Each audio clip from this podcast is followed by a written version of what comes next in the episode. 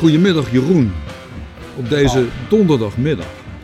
Heb jij overigens al zonnepanelen op je dak? Uh, wel over nagedacht, uh, uh, brochures aangevraagd, prijsopgaves gehad. Um, nou ja, en uiteindelijk is die investering ons toch tegengevallen, dus we deden het niet. Nou, heb je goed aan gedaan, jongen, want je hebt er op het ogenblik helemaal niks aan. De koudste maand in 70 jaar. Ja, het is een, een, merkwaardig klimaat in, in Nederland. Uh, ja, ik zie wel zonnepanelen in de buurt, ook in weilanden liggen. Mooi gezicht. Uh, het is natuurlijk goed dat iedereen er wat aan, aan wat uh, doet wat hij kan. Maar in Nederland blijft het een ja, merkwaardige toestand. Hè. En nu ook, vorig jaar was het hartstikke heet in, in mei en nu hebben we voortdurend regenbuien.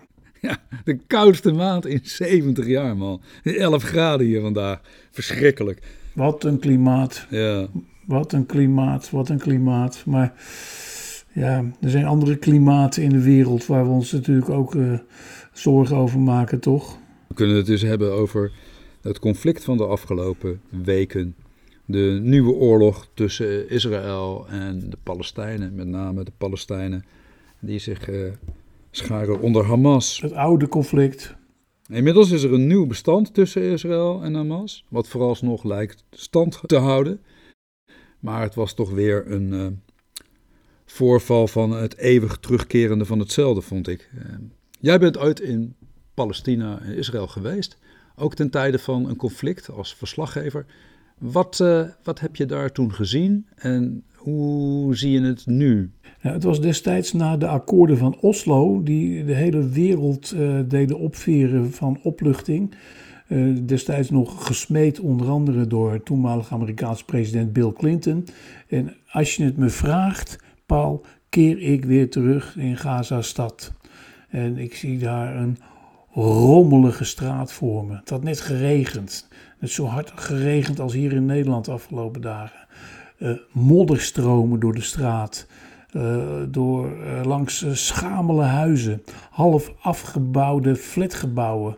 Omdat het geld van de falafel snackbar in New York, waar de Palestijnse ooms werkten, op was. Um, Wat bedoel je met falafel? nou, van die, van, die, van, die, gewoon van die snackbars met Um, in Gazastrook? Nee, in New York. In New York. Heel veel Palestijnen die daar in New York gewoon een snackbar dreven, uh, die stuurden hun geld onder andere terug naar Gaza. Om daar te helpen aan de opbouw van de behuizing mhm. van hun familie. Maar wat ik daar vooral zag, en dat was uh, in een jeep uh, bestuurd door Lex Takkenberg, een functionaris van de Verenigde Naties organisatie UNRWA um, was het kamp Jabalaya. Volgepakt met Palestijnse vluchtelingen in het noorden van um, Gaza, van die Gazastrook. Ook modderig. En toen dacht ik al van, ja, hier, hier zie ik het. Hier, dit is de basis van alle onvrede, van alle woede. En ik sprak in Gazastad een psychiater die me uitlegde dat hij jongeren behandelde die uh, opgroeide met onvrede en agressie. En eh, op die manier ook nooit de kans hadden om gewoon een vredelievende bezieling in hun karakter te, te kerven. Dus uh, dat wat ik nu ook weer zag, het is lang geleden hoor dat ik er was, maar mm, blijkbaar was er in drie decennia eigenlijk niet zoveel veranderd. En uh, ook door Israëlische raketten en bommen uh, was het weer in die deplorabele staat teruggebombardeerd. Het is ook daarom dat ik bij zo'n vredesakkoord denk: het houdt niet op zolang die ongelijkheid en dat vreselijke verschil in welvaart niet wordt verminderd. En, en nou, dat vind ik zorgelijk. Mm -hmm. Nou, zie je dat de internationale gemeenschap die achter zo'n akkoord staat. De afgelopen decennia altijd heeft gestreefd naar een twee-staten-oplossing. Zie je dat nog als een reële oplossing voor de toekomst? Nou ja, het is natuurlijk uh, getekend, het twee-staten-verhaal, in een land van een en al landje pik. Uh, waarin oude psychologische trauma's uh, nog onder de grond of, of bovengronds verscholen blijven. Uh, kijk naar de kaarten die in diverse dagbladen worden afgedrukt of gewoon op, ook op televisie worden getoond. Het blijft een hele merkwaardige lappendeken. En die lappendeken is ook, denk ik, symbolisch voor het verschil in de geesten en de harten tussen de Israëliën en de Palestijnen. Niet de vele uh, uh, te nagesproken, en dat heb ik destijds ook gezien, uh, een samenleving die wel degelijk wel wil. Wat zo in het nieuws is, is voortdurend de extremen. Die, en het lijkt wel een conjuncturele um, verhaal van nieuwe generaties, uh, steeds weer opduiken. Mm En steeds weer zijn het nieuwe wereldleiders die proberen om het te temperen. Het is heel lastig. Een twee-staten-oplossing, uh, dat vraagt de grootst mogelijke uh, wil en tolerantie ten opzichte van elkaar. Ja, maar dit, zou ook weer moeten leiden tot gigantische volksverhuizingen, waarbij grond wordt onteigend, uh, woningen worden onteigend, de mensen zich moeten verplaatsen. Ik denk dat dat toch niet meer tot de mogelijkheden behoort. De Joodse bevolking in Israël is ongeveer net zo groot als de Palestijnse bevolking op het ogenblik. Ja, en die Palestijnse bevolking, de Israëlische Arabieren, voelen zich behandeld als, tweedehands, als tweederangs burgers. Uh, het is uh, van een rigide apartheidsbeleid wat daar plaatsvindt. En het mag dan nu wel weer geluwd zijn en er mag wel weer een wapenstilstand zijn. Maar de oorzaken en de bronnen zijn niet weg. En de oplossing is alleen maar om daaraan te werken. Geen bommen, maar ontwikkelingshulp. Uh, ja, dat, is ook heel erg braaf gezegd.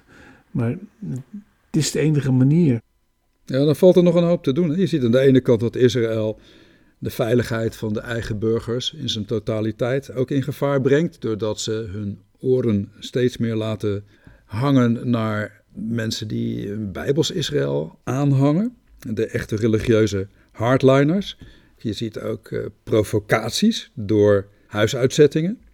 Door uh, bijvoorbeeld ook te reageren op rellen in uh, Jeruzalem door een Al-Aqsa-moskee binnen te vallen, waarmee je dus Palestijnen in het hart raakt. Iedere religieuze, strenggelovige, ja, die ziet het toch als een enorme aantasting van eer en geweten wanneer een van haar heiligdommen wordt onteerd. En aan de andere kant zie je een, een Hamas, gesteund door onder andere Iran, die weigert om het bestaan van Israël te erkennen. En in zo'n oorlog ook 3000 raketten afvoert. En daarmee ook de veiligheid van alle burgers in Israël aantast. Uh, raketten als een bijbelse sprinkhanenplaag. Ik vind het mooi dat je de religie erbij haalt. En dat is natuurlijk uh, onherroepelijk een kern van het probleem. Absoluut. Maar ik zeg ook altijd dat het niet voor niets is dat juist uit dat gebied uh, belangrijke geloofsboeken als de Bijbel en de Koran vandaan komen. Iran noem je er ook bij. Ehm, die boeken gaan ook over strijd en over agressie en over ongelijkheid. Het is stokoud. In dat land van uh, grootschalige landje Pik. Um, het gaat over mensen. Het gaat over merkwaardige verspreiding van, uh, van geloven en benardheid en benauwdheid. Het is van een terugkerende, steeds terugkerende bijbelse proportie steeds. Het gaat over een heleboel psychologie. Het gaat over onderdrukking. Ja. Al meer dan twintig eeuwen. Um, het is mooi dat de internationale gemeenschap nu ook weer is opge opgestaan om deze wapenstilstand te creëren. Maar de bron en de basis zijn niet veranderd. zolang dat niet gebeurt, zul je het ook steeds weer zien terugkeren. Ben ik bang, Paul. Ja, je ziet ook de reacties dicht bij huis. Hè? Ik herinner me nog als elfjarige iedereen pro-Israël in die zesdaagse oorlog destijds. Nu vrij uh, grote pro-Palestina betogingen. Um, dat is uh, een hele duidelijke kentering, vind ik. Hmm, wat mij daarbij opviel was dat daar toch ook een aantal zeer bedenkelijke trekjes aan zaten. Zoals? In Gelsenkirchen in het Roergebied, honderden demonstranten, voornamelijk uh, jonge mensen. En die zwaaiden met Palestijnse en notabene ook Turkse vlaggen. En die riepen daar massaal Scheisjude, Scheisjude, Scheisjude. Verschrikkelijk toch? Oplaaiend antisemitisme. In Bonn daar werd een synagoge met stenen bekogeld. In Berlijn uh, waren verschillende anti-Israëlische, maar ook echt duidelijke antisemitische incidenten. In Londen reden auto's getooid met Palestijnse vlaggen door een wijk waar veel Joodse mensen woonden, waarbij vanuit die auto's werd geroepen dochters van Joden te verkrachten. Maar ook in Nederland gingen met name aanhangers van Palestina met een islamitische achtergrond vooral de straat op. En ook hier werden antisemitische leuzen gescandeerd. In Amsterdam en Utrecht werd daarbij verwezen naar een slag bij Kaibar, waarbij het leger van Mohammed Joden verdreef. En dat werd hier in een soort slogan herhaald. Het gaat notabene over 1628. Het is toch bizar dat Joodse mensen hier opnieuw geconfronteerd worden met onvervroren Jodenhaat, Jeroen. Nou, moet je nagaan hoe diep geworteld dat is. En uh, dat dat um, blijkbaar, nou ja, genetisch of hoe dan ook, uh, van generatie naar generatie wordt doorgegeven. Alsof de wereld niet heeft uh, geleerd. Iedereen is zo over onderwijs, onderwijs, onderwijs. Nou, we hebben van alles gezien over de Tweede Wereldoorlog. Hoezo genetisch? Is denk ik sprake van een wereldwijde propaganda. En je ziet uh, met mensen met bepaalde verkeerde bedoelingen. Je ziet uh, ook in heel veel van die complottheorieën op het ogenblik onvervroren antisemitisme opduiken. Allemaal psychologie. Ja, maar met hele uh, zware en hele nare gevolgen. Ja, met, met, met klassieke, nou genetisch niet, maar met, wel universele elementen van schuring. Wat blijkbaar altijd weer, we hebben te maken met de mensheid, altijd weer opspeelt. Wat steeds weer terugkeert. Met uh, uh, dat verschil dat over propaganda gesproken, en jij weet er meer van, de verspreiding anders van aard is. Ja, maar sorry Jeroen, we hebben een, een holocaust gehad. Ja. Dan, dan, dan weten we waar dit soort ideeën toe kunnen leiden. En dan had ik ook hier een stevige veroordeling gezien van onze minister-president bijvoorbeeld. Merkel en Johnson hebben dat wel gedaan. Nou Rutte is niet verder gekomen dan uh, het herhalen van het recht op zelfverdediging van Israël. Uh, ja, daar, daar, daar, blijft het dan bij. Heeft natuurlijk ook wat anders aan zijn hoofd, Rutte. Mm -hmm. uh, maar wat mij zo bezighoudt, is die permanente bron. Dat maar, wat maar blijft schuren. Ja, wat bedoel je dan? Nou ja, die jodenhaat, dat antisemitisme. Maar dat is te verklaren. En je, je zou toch kunnen bedenken dat na zo'n Tweede Wereldoorlog de zaken eens even netjes op een rij worden gezet. En dat er een groot verschil wordt erkend tussen wat er in Israël gebeurt en onvervroren jodenhaat. Bizar. Mensen in Nederland hebben daar helemaal niks mee te maken. Nou ja, je zou toch ook denken uh, of je afvragen wat de Duitsers in Gelsenkirchen uh, eigenlijk nog voor bezwaren zouden moeten hebben tegen uh, Joden. Omdat onder bepaalde bevolkingsgroepen de staat Israël gelijk wordt geschakeld aan Joods, Joods zijn. Daar wordt niet geroepen weg met Israël, maar Shaisjude. Lijkt me geen toeval. Dat kan toch niet? Dat is toch op geen enkele manier volgens mij goed te praten? Nee, maar waar, nee, nee, maar waar baseren ze zich op? Ik vind het ook van, van een merkwaardige blindheid en, en domheid getuigen. Mag zo langzamerhand wel voorbij zijn, hè, na al die eeuwen. Ja, dat moet voorbij zijn. En ik denk dat we daar ook uh, hard aan moeten blijven werken. En dit ook niet moeten accepteren. Nee. Maar met, over sociologie gesproken, het is ook psychologie, het, het, het, um, het is uh, zij, uh, wij, het is alles wat schuurt. Maar... Ja, het is van een uiterste geniepigheid. Ik laatste kijken naar een van die programma's van Filemon over complotdenkers. En daar komt dan iemand aan het woord. En dat, dat, voor, voor sommige mensen is dat een onschuldige opmerking. En anderen zien daar een hele duidelijke dogwissel, een hondenfluitje in, zoals dat heet. Een verwijzing naar veertien families die de wereld willen overnemen. Die de mensen willen controleren. En dan weet je dat dat Joodse families zijn. En dan dat die 14, 14 families, die 14 personen, dat grijpt dan weer terug op een geschrift, de protocollen van de wijze van Zion, waarin verslag wordt gedaan van een aantal compleet verzonnen bijeenkomsten door Zionisten, waarop ze bespreken op welke manier ze de wereld gaan overnemen. Een vervalsing gemaakt door de Russische geheime dienst, in de tijd nog onder de tsaar, om verdeeldheid te zaaien, om een, de ene bevolking tegen de andere bevolkingsgroep op te zetten. Dan vraag ik mij wel af hoeveel mensen werkelijk kennis hebben van de protocollen van Zion. Het is terecht dat je erop wijst, maar... Maar luister eens, Jeroen. Ze zijn onlangs van de online boekwinkel verwijderd. Amazon, Bolcom. Ja. Precies. En in het Midden-Oosten zijn ze alom verspreid.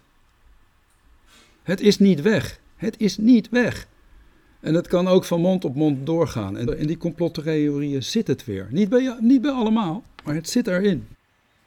Ja, dat doet me denken aan uh, wat je nu weer uh, allemaal leest en hoort over alt-right gedachten, antisemitisme, superioriteitsdenken, erkenbrand. Uh, of het nou protocollen van Zion zijn of iets anders. Het gaat over universele weerzin en een universeel soort um, een verwerpelijk object uh, superioriteitsdenken. Wat dwars tegen die totaal andere uh, um, beweging in de mensheid ingaat. De, de actuele groei van diversiteit en inclusiviteit. Termen die zo modieus zijn geworden dat, ze, dat je er ook doodmoe van wordt. Maar het is iets aan het schuiven in de mensheid. En dat alt-right wil niet dat dat gebeurt. Want dat blijft genetisch of psychologisch, hoe je het noemt, uh, uh, toch ook uh, in, in de geesten zitten. Ja, mensen voelen zich op een of andere manier bedreigd. En zo ontstaat er zo langzamerhand een stevig, grimmig klimaat in Europa, waarin mensen elkaar ook naar het leven staan zonder concrete aanleiding. Doodsbedreigingen. Ja. Ja, we hebben het dan niet alleen over schietpartijen tussen criminelen, die we op dit moment uh, met steeds gewapender uh, hand zien plaatsvinden, met zeer geavanceerde wapens. Maar we hebben ook de doodsbedreigingen via internet. Recent in het nieuws, mevrouw Gul, die een boek schreef over haar jeugd en daarbij bedreigingen krijgt, zowel uit Turkse als uh, rechts-Nederlandse hoek. De islamitische Jan Siebelink. We hebben Jaap van Dissel van het RIVM. Die wordt bedreigd door mensen die hem een pedofiel hebben genoemd, die dachten dat hij uh, in een complot was uh, terechtgekomen. We hebben hoogleraar aan de Universiteit van Amsterdam. En die lezingen houdt en schrijft over rechtsextremisme. En we hebben natuurlijk ook Barbara Barsma, die in de Volkskrant een groot interview geeft. Heb je het gelezen? Ja, Barbara Baarsma van uh, uh, herstel.nl. Dat is het, het, eerste wat je uh, bij haar denkt. Omdat zij een van die prominenten was die zich aanvankelijk nog bij die beweging had aangesloten. Maar die, die kreeg ook haar trekken wel thuis, heel snel. Um, ik, ik, ik, denk dat zij uh, de, de, beste bedoelingen heeft. En ik bedoel, uit, uit, dat interview blijkt het ook wel. Ze is uh, van jongs af aan toch ook wel uh, een hele idealistische vrouw. En, um, ja, ze zegt ook heel aardige dingen in het interview. Maar zij heeft zich ook een bepaalde periode uit het publieke debat teruggetrokken. Omdat zij met de dood wordt bedreigd. Naar aanleiding van haar deelname aan herstel.nl. Ja, het is, is ongelooflijk naar en, en, en, en, en abject ook. En, en, die doodsbedreigingen uh, kun je nou ja, met een korreltje zout niet nemen. Dat is gewoon, gewoon heel erg. Je ziet het over, over de hele lijn. Hè. Ook die, de schrijfster die je net noemt. Ja. Het is een, een, een bepaald soort uh, zolderkamerverzet Uh, mensen die achter hun computers zitten. Ja, maar let op Jeroen. Hier, moet je eens kijken wat er op het ogenblik in België gebeurt. Hè? Waar een, een militair, de zekere Konings, gewapend met raketwerpers, achter Belgische politici en achter de viroloog van Rand aangaat. En, en niet om hem te knuffelen hoor. Op het moment dat we spreken is hij nog niet gevonden, hè, volgens mij. Nee, er is een oproep dat hij zich vrijwillig overgeeft. En hij krijgt ook aanhang, een demonstratie eh, ten gunste van eh, deze bedenkelijke figuur. Nou ja, dat, het mooie in dit geheel is eh, dat, dat Van Ranst, de van Dissel van België, zich dan ook ehm, onverveerd en vrij, ook weer online, kan verweren en zich kan profileren tegen Willem, van, Willem Engel in Nederland. En, en, eh, en wegzet als uh, iemand wiens virologische kennis uh, niet uh, eens op de helft van een postzegel kan. ja, ja, die um, tweetuitwisseling komt dan in bushokjes terecht. Over propaganda gesproken. Ja, hij is niet bang, hè, die van Ranst. Hij is niet bang. Hij zegt ook in een van die tweets: Wanneer we ooit geconfronteerd worden met een salsa-pandemie, verwijzend naar Willem Engel die dansleraar is, ga ik met veel plezier luisteren naar wat jij, zegt hij tegen Willem Engel, als dansleraar te zeggen hebt. Echter, op dit moment geef ik geen flying fuck om wat jij uitkraamt. En Nederland zou dat het beste ook niet doen. Ja, de man verweert zich. En het is goed neergezet, goed neergezet. Ja, maar Jeroen, je ziet toch waar, waar dit klimaat toe kan leiden. Nou, dat mensen met een machinegeweer op een, op een wetenschapper afgaan. Ja, een soort sneu Rambo, Rambo uh, die, zich uh, ergens ook, ook schuilhoudt. En, de wetenschapper is, is ook in beveiligde regime neergezet met zijn hele gezin. Maar hoe gaat dat dan vaak? Nu zie je dat daar mensen de straat optrekken om hem te ondersteunen. Stel je nou voor dat hij zich verzet tegen de politie, hij wordt neergeschoten, dan hebben we een martelaar van extreem rechts. Nee, deze sneuwe, deze sneuwe martelaar uh, is uh, ergens uh, toch zich aan het verbergen. Ik vind zijn dreiging zo langzamerhand steeds twijfelachtig geworden. Maar goed, het is tijd dat we een nieuwe regering krijgen die zich is, op dit terrein sterk maakt. En de mensen weer een beetje tot elkaar gaat brengen. En dat zouden ze dus onder andere moeten doen, de nieuwe regering, door macht en tegenmacht. Ik heb jou, wat dat betreft, ik had nog een aardig bericht naar je toegestuurd uit mijn dagblad Tubantia. Heb je dat gekregen? Het heeft als kop Berkeland drukt Mast Haarlo door. Ja. Wat viel je op? In dat artikel? Nou, dat uh, was eh, vooral uh, politieke arrogantie. omdat een, een, een uitspraak van de rechter daar gewoon heel erg achterloos is verworpen. Ja, niet alleen dat. Hè. Het, was, het was het verhaal waarbij een groep burgers naar de rechter ging om zich te verzetten tegen de plaatsing van een gsm-mast. De rechter heeft die bezwaarmakers in het gelijk gesteld. Het gemeentebestuur kon ze daar niet geheel in vinden. En de wethouder is in beroep gegaan. En wat zegt nou die wethouder in de krant over het oordeel van de rechter, van de eerste rechter, dus die de klagers in het gelijk stelt? Ja, dat was de mening van een rechter, maar wij zien dat anders. Kijk, hier gaat het dus fout in Nederland. Mensen die zich inzetten, die studeren, die investeren in een rechtspraak, in een rechtszaak, dan van een onafhankelijke rechter gelijk krijgen, waarbij de rechter zich beroept op de wet, op de regelgeving in Nederland, en dan zegt een wethouder: ja, dat is de mening van een rechter, wij zien dat anders. En dan denk ik aan alles wat uh, afgelopen decennia aan verweren tegen uh, de opzet van nieuwe windmolenparken is uh, naar buiten gekomen. Maar ook zoiets als de verbreding van de A27 bij Amelisweert, hè, bij, bij Utrecht, midden van het land. dit soort wethouderlijke obstructie moet natuurlijk gestuurd worden. Het zit niet alleen in de uitoefening van macht, het zit ook in, in de woordkeuze. Een rechter is niet iemand met een mening. Een rechter is iemand die recht spreekt.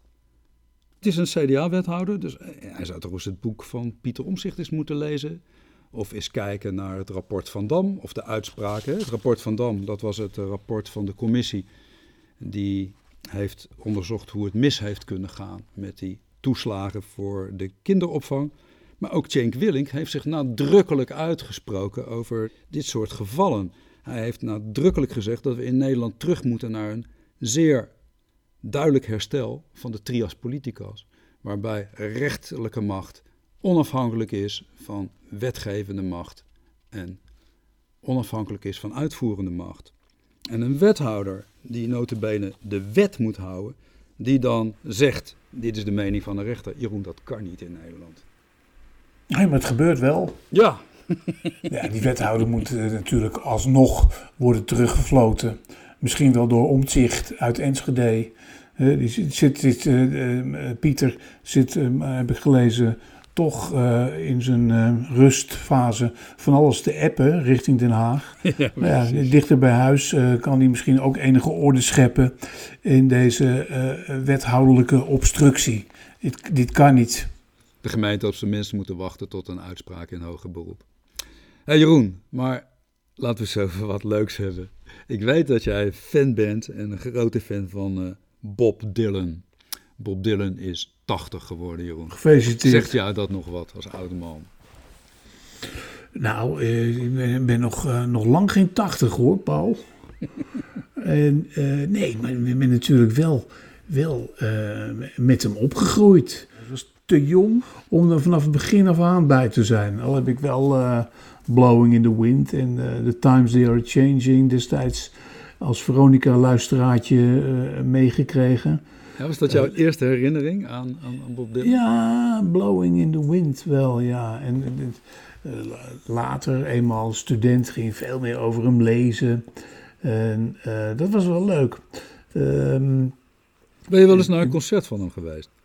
Ja, de eerste keer was in de Kuip in 1978. Stortregen. Mm -hmm. Pro programma met onder andere Eric Clapton in het voorprogramma. In het voorprogramma? Ja, moet je nagaan. Zo. Een fantastisch affiche. En uh, Hard Rain Gonna Fall. Het ja. gebeurde daar letterlijk. Hoe was het?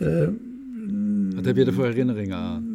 Nou, het is vooral wel bijzonder om daar met z'n allen, hele generatie, uh, uh, ook ouderen. ik voelde me toch wel knap jong hoor. ik wil nu niet zeggen de tweede, de tweede generatie Dylan fans, maar ja, ik zag daar opvallend veel ouderen. En die zijn nu inmiddels ook bijna allemaal 80. Uh, eh, daar op dat nat geregende gras. En dan, dan, dan, zag je hem, daar was hij dan. Het fenomeen. En ik heb hem later wel ook weer eens een keer gezien in het muziekcentrum Vredenburg. Vreselijk was ja. het. In, in de Ahoyhal was het weer wat beter. Ik herinner mij een recensie uit de Volkskrant waarin werd gezegd dat hij zong als een oude kachelpijp. Vond, ik vond het wel een rare vergelijking. Ik heb hier, een, eh, ik heb hier een, toevallig een artikel uh, uit het boek Over Dylan. -hmm. Interviews en artikelen. verschenen in 1973 bij Van Gennep. Met een van de eerste dingen die uh, over hem werden geschreven. Het was door Robert Shelton van de New York Times verschenen op 29 september 1961. En die observeerde: Dylan's stem is allesbehalve mooi. Hij probeert bewust de ruwe schoonheid van een zuidelijke landarbeider die op zijn veranda een wijsje zit te spelen op te roepen. Je ruikt het platteland nog in zijn muziek en zijn songs zijn doortrokken van een verzengende intensiteit. 60 jaar geleden. Ja, dat is wel bijzonder hè? En, en, en afgelopen vrijdagavond was uh, de VPRO feestelijk bezig op Radio 1. Andere, tweeënhalf uur. En het mooie was dat ik uh, daar onder andere ook um, Iris Koppen hoorde en Lucky Fans de derde. En dan hebben we het dus echt over een hele nieuwe, jongere generatie die Dylan pas recentelijk hebben ontdekt. En die Iris Kop die had het over zijn songs of zijn, zijn teksten als een dromerig landschap die haar geest verruimde. Daar heeft hij toch ook een Nobelprijs voor gekregen, voor zijn teksten? Een aantal jaar geleden. De Nobelprijs voor de literatuur, notabene. Er was al jaren en jaren lang sprake van. Hij werd al heel vaak genoemd. En dan kreeg uh, een prachtige dichteres uit een Oostblokland de Nobelprijs. Uh, het heeft even moeten rijpen. Het heeft moeten groeien. De acceptatie dat er uit de rangen van wat lang natuurlijk als lichte muziek is betiteld, toch ook zoiets voort zou komen als uh, de gelaagde poëzie, uh, die volgens Chris Keijne, presentator van het programma van de VPRO, nog steeds niet geheel ontrafeld is, nog steeds mysterieus blijft, dat dat uiteindelijk toch ook Nobelprijs voor literatuur uh, verdiende. Waarom? Omdat hij niet begrepen wordt? Of, ja, kun, kun, je mij uh, uh, vertellen waarom het terecht is dat hij die Nobelprijs heeft gekregen? Omdat Bob Dylan over literatuur gesproken. of hij nou de, de, de, schoonheid van een zuidelijke landarbeider oproept. Een Bart is, met, met een D, in de beste zin van de vertolking van verhalen en vertellen van verhalen. Het vertellen van menselijke verhalen in een, een buitengewone gelaagde schoonheid van taal en ziel. Heb je hem overigens zelf wel eens uh, gesproken of gefotografeerd? En je hebt de Bono ook gefotografeerd, Bruce Springsteen, Mick Jagger. De enige die ik, die ik eventjes iets meer dan een minuut heb gesproken was op Pinkpop lang geleden, was, was Bruce Springsteen die buitengewoon blij was dat hij eindelijk eens kon optreden op een festival dat bijna net zo oud is, of net iets ouder is dan hij en de E Street Band. En, en, en natuurlijk zou ik uh, Dylan graag eens gesproken hebben. Maar ik herinner me toch een café in Utrecht waar prachtige foto's hangen van Bono, Springsteen en Mick Jagger. Uh, gemaakt, gefotografeerd door uh, Jeroen Wielaert. Oh, ja, ja, ja, ja. ja, Maar Dylan was daar dus niet bij. Jawel, ik heb hem gefotografeerd en daar hoor je al. En draai je nog wel eens een uh, plaatje van hem?